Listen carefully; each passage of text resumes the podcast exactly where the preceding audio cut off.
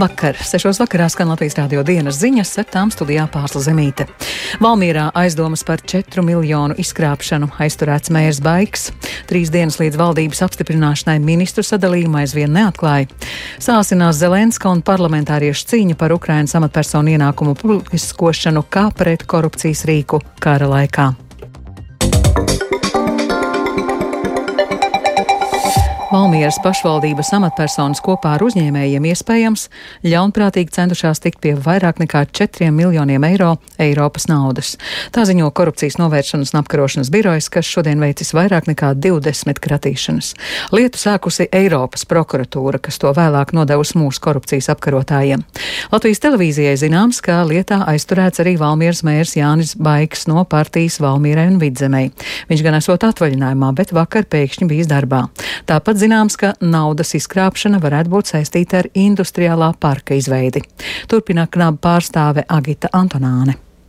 Knaba rīcībā esošā informācija liecina, ka Valmieras pilsētas pašvaldības valsts amatpersonas iespējams ļaunprātīgi izmantojot dienesta stāvokli kopā ar vairāku uzņēmumu pārstāvjiem veikušas nelikumīgas darbības. Šo darbību mērķis bija, lai pašvaldība tās īstenota projekta ietveros pretiesiski iegūtu vairāk nekā 4 miljonus eiro Eiropas reģionālās attīstības fonda finansējumu. Projekts saistīts ar infrastruktūras izveidi EK Valmierā. Tādā veidā personas ir nodarījušas Eiropas Savienībai zaudējumus lielā apmērā. Pašlaik sešām krimināla procesā iesaistītajām personām ir tiesības uz aizstāvību. Topošās valdības veidotāji sagatavojuši valdības deklarācijas melnrakstu, ko rīt apspriedīs ar sociālajiem partneriem. Sāima par jaunās valdības apstiprināšanu lems jau piekdien, taču ministru portfeļu sadalījumu premjerām atam nominētā Evika Siliņa no jaunās vienotības aizvien vairās atklāt. Par politiskajām aktualitātēm vairāk Jānis Kīncis. Topošās koalīcijas partneri sagatavojuši valdības deklarācijas projektu, ko jau trešdien apspriedīs ar sociālajiem partneriem. Premjeramata kandidāte Evika Siliņa no jaunās vienotības sagaida papildinājumus valdības rīcības plāniem. Es tikai varu apliecināt, ka šajā deklarācijā fokus būs uz cilvēku. Un skaidrs, ka ir ļoti svarīgi jautājumi gan par ekonomiku, gan par izaugsmi, gan par veselību, izglītību un drošību. Bet eh, bez Latvijas cilvēkiem mēs neko nevarēsim izdarīt. Deklarācijas projektā iekļauti 39 punkti trīs sadaļās. Valdības veidotāji apņems palielināt finansējumu aizsardzībai un sabiedriskajai kārtībai un drošībai. Iekļauts mērķis pabeigt žogu būvniecību uz robežas ar Baltkrieviju līdz šā gada beigām, kā arī uz robežas ar Krieviju. Plānots arī virzīties uz izsvērtu un ekonomiski pamatotu sabiedrisko mediju apvienošanu un sasniegt citus mērķus. Iekļaut iecer pilnībā pāriet uz vispārējo izglītību valsts valodā līdz 2025. gadam, kā arī nodrošināt vienotu sistēmu latviešu valodas apgūvēja katram pieaugušajam. Deklarācijā ietvērtie virzieni ir pamatā rīcības plānam, kas vēl taps pēc valdības apstiprināšanas. Šie dokumenti atspoguļos vairākas būtiskas vērtības un uzdevumus, uzsver progresīvo viens no līderiem Andris Šuvājevs. Nākamās valdības deklarācija būs eiropeiska, ziemeļnieciska, atspoguļos iekļaujošu valdības pieeja attiecībā uz svarīgākajiem izaicinājumiem, kas šobrīd valstī ir. Mūsuprāt, tie saistās ar cilvēktiesību regulējumu kas saistās ar Stambulas konvencijas ratifikāciju. Tie ir jautājumi par mūsu saistībām klimata un vidas jomā.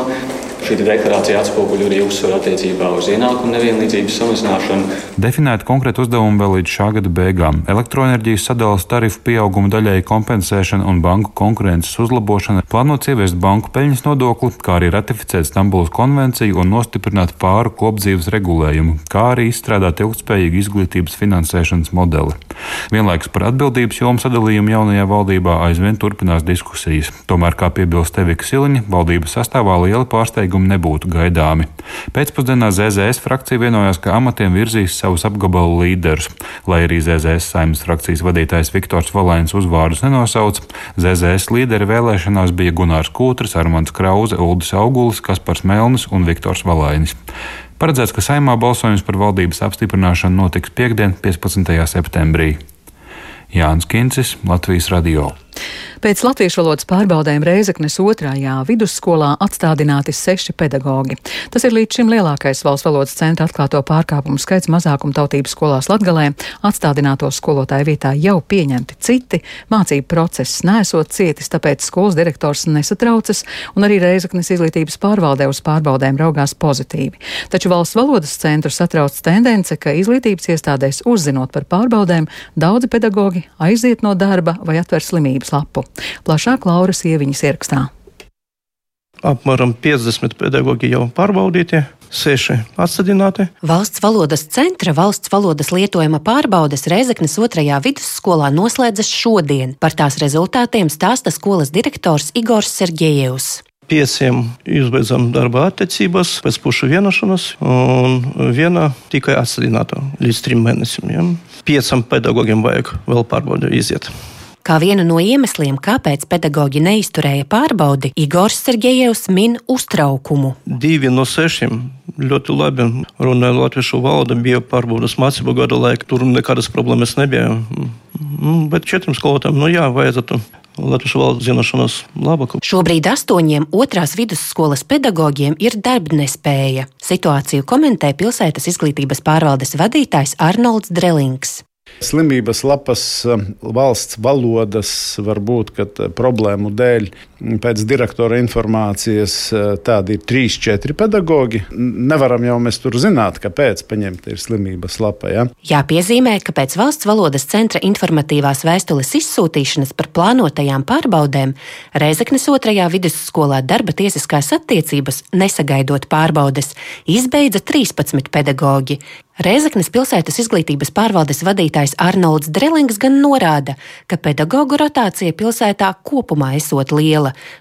Nebūt ne galvenais iemesls ir pedagoģu valodas zināšanas vai nezināšanas, bet tur iemeslu ir nu, vesela jūra. Ja? Sākot ar varbūt pedagoģu vecumu, slimībām. Šobrīd gan mācību process Reizeknes otrajā vidusskolā pēc veiktajām pārbaudēm nav apstājies. Darbā ir pieņemti 18 jauni pedagoģi. Citu vietu pārkāpumi nav konstatēti. Viennozīmīgi gan tāpēc šobrīd nevar apgalvot, ka visiem pedagogiem ir labas zināšanas. Laurija Ieviņa, Latvijas Rādio studija Latgalē.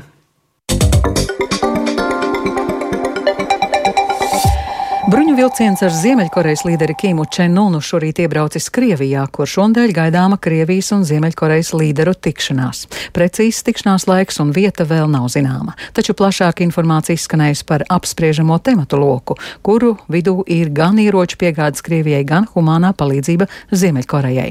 Stāsta Rihards Plūme. Krievijas līdera Vladimira Putina un Ziemeļkorejas līdera Kima Čenuna tikšanās ir plānota Krievijas tālajos austrumos Vladivostokā. Abi varētu tikties kosmodromā. Amatpersonas un analītiķi min, ka sarunās tiek plānots apspriest Ziemeļkorejas ieroču un munīcijas piegādes Krievijai. Savukārt Kims cer saņemt no Krievijas mūsdienīgu tehnoloģiju satelītiem un kodolzemūdenēm. Augstu darba kārtībā varētu būt arī humānā palīdzība Ziemeļkorejai, jo Covid-19 pandēmijas seku dēļ valsts saskaras ar nopietnu pirmās nepieciešamības preču trūkumu.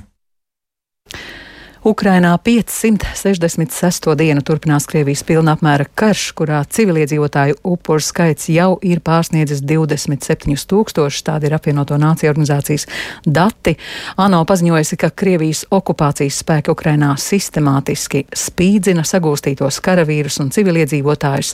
ANO īpašā ziņotāja par spīdzināšanu Alise Džila Edvards pagājušajā nedēļā apmeklēja Ukrainu, kur tikās ar desmitiem cilvēku, kuri ir atbrīvoti no Krievijas gūstas gūsta šo cilvēku liecības, apstiprinot, ka spīdzināšana ir viens no Krievijas ieročiem karā pret Ukrainu. Šie smagie nodarījumi nav nedz ārpus kārtas, nedz nejauši, bet drīzāk organizēti kā daļa no valsts politikas, lai iebiedētu, iedvestu bailes, sodītu vai izspiestu informāciju un atzīšanos.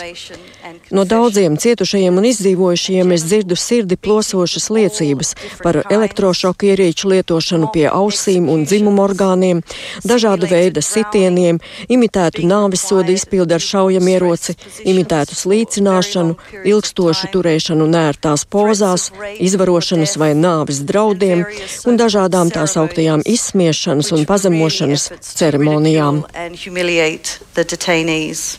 Edvards norādīja, ka saskaņā ar starptautiskajām tiesībām spīdzināšana un jebkāda necilvēcīga izturēšanās ir aizliegta visos laikos un jebkādos apstākļos, tāpēc vainīgi arī visaugstākajā līmenī jāsauc pie atbildības.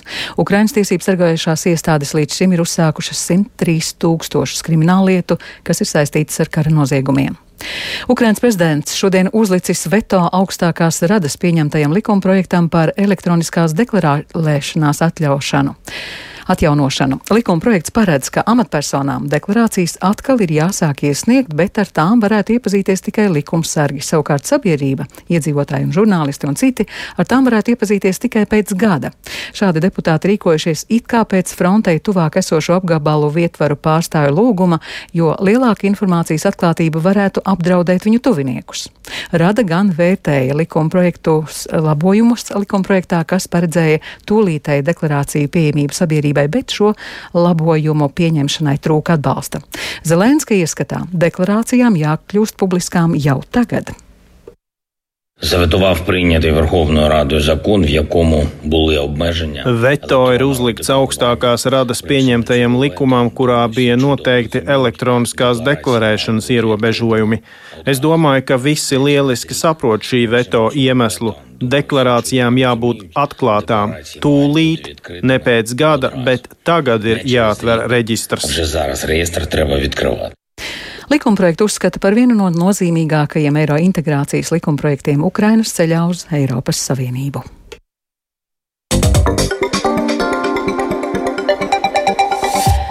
Procentu likmju kāpuma dēļ finansiāli ievainojumi ir 13% mājasaimniecība ar kredītiem, liecina Latvijas bankas aplēses, ar kurām šodien iepazinās Saimas tautsaimniecības agrārās vides un reģionālās politikas komisijas deputāti. Deputāti lēma aicināt valdību un par Komercbanku uzraudzību atbildīgo Latvijas banku meklēt risinājumus, kā mazināt šī kāpuma ietekmi. Plašāk Zana Eniņa. Eiropas centrālās bankas politika inflācijas mazināšanas nolūkā ceļot procentu likmes ietekmējusi kredītņēmējus Latvijā, lielā mērā tos, kuriem ir mājokļa kredīts. Kā liecina Latvijas bankas analīze, ap 70% šo kredītņēmēju maksājumi pieauguši vidēji par 90 eiro mēnesī, kas nav uzskatām par ļoti lielu summu. Taču 13% mājasaimniecību, kuras aizņēmušās no bankām un izjūt arī inflācijas slogu, kļuvušas finansiāli ievainojamākas.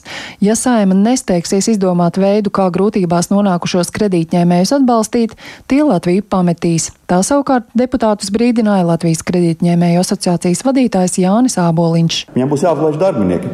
Ir čemodāni, lidosta, un mēs braucam projām. Latvijas banka uzskata, ka kredītņēmēja situācija Latvijā ir unikāla, jo nekur citur Eiropā nesot tik daudz kredītu ar mainīgu procentu likmi. Taču Latvijas Komercbankas mērķtiecīgi veidojušas tādu aizdevumu politiku, lai kredīti ar fiksētu likmi būtu neizdevīgāki. Tā norādīja Latvijas bankas eksperts Uldis Rutkaste.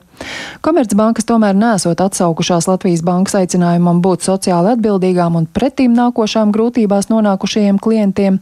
Tāpēc Latvijas centrālās bankas ieteiktā politika joprojām ir ieviest 20% uzņēmumu ienākumu nodokļu avansa maksājumu bankām, kas nākamgad valsts budžetā ļautu iegūt papildus 150 miljonus eiro. Latvijas bankas nostāja izraisīt diskusiju deputātu vidū. Piemēram, opozīcijas deputāts no partijas Latvija pirmajā vietā Ainārs Šlesers aicināja atlaist Latvijas bankas vadību ja tā ir tik nevarīga. Deputāts Andris Kulbergs no apvienotā saraksta savukārt aicināja kredītņēmēju atbalstam izmantot no plānotā banku uzņēmumu ienākumu nodokļu avans maksājumu iegūto naudu. Viņa prāt to varētu likt lietā nevien pabalstos, bet arī energoefektivitātes uzlabošanai. Zana Eniņa, Latvijas radio. Ar to izskan Latvijas rādio dienas ziņas, producents Edgars Kupčs, ierakstus montēja Kaspars Groskops, par labskaņu rūpējās Mārtiņš Paeglis, ar jums runāja Pārsla Zemīte. Latvijas vidas geoloģijas un meteoroloģijas centrs informē Rīgā 25 grādi, dienvidu vējš 3 m2, gaisa spiediens 762 mm, gaisa relatīvais mitrums 90 59 mm. Kāds laiks gaidāms turpmāk, prognozē sinoptiķe Ilze Golubeva. Trešdienas nakts Latvijā aizritēs ar mierīgiem laikapstākļiem, bet diena atkal būs vasarīgi silta. Temperatūra sasniegs plus 20, plus 27 grādus, bet vietām valsts rietumu un centrālajā daļā gaidāms īslaicīgas lietus. Kurzemes ziemeļos arī stiprākas lietus gāzes ar pērkona negaisu un iespējama gan krusa, gan arī spēcīgākas vēja brāzmas. Ceturtdien laikapstākļi gan kļūs krietni dinamiskāki, jo teritorijas lielākajā daļā jārēķinās ar pērkona lietusgāzēm, kas vietām būs pat ļoti stipras. Tāpat pastiprināsies vēja vējš un stiprākās vēja brāzmas gaidāmas piekrastē. Tur to ātrums sasniegs 22 m2. Naktī temperatūra būs līdzīga kā līdz šim, bet dienas laikā termometra stabiņš vairs nepārsniegs plus 20 grādu atzīmi. Savukārt nedēļas izskaņā laikapstākļi atkal kļūs mierīgāki.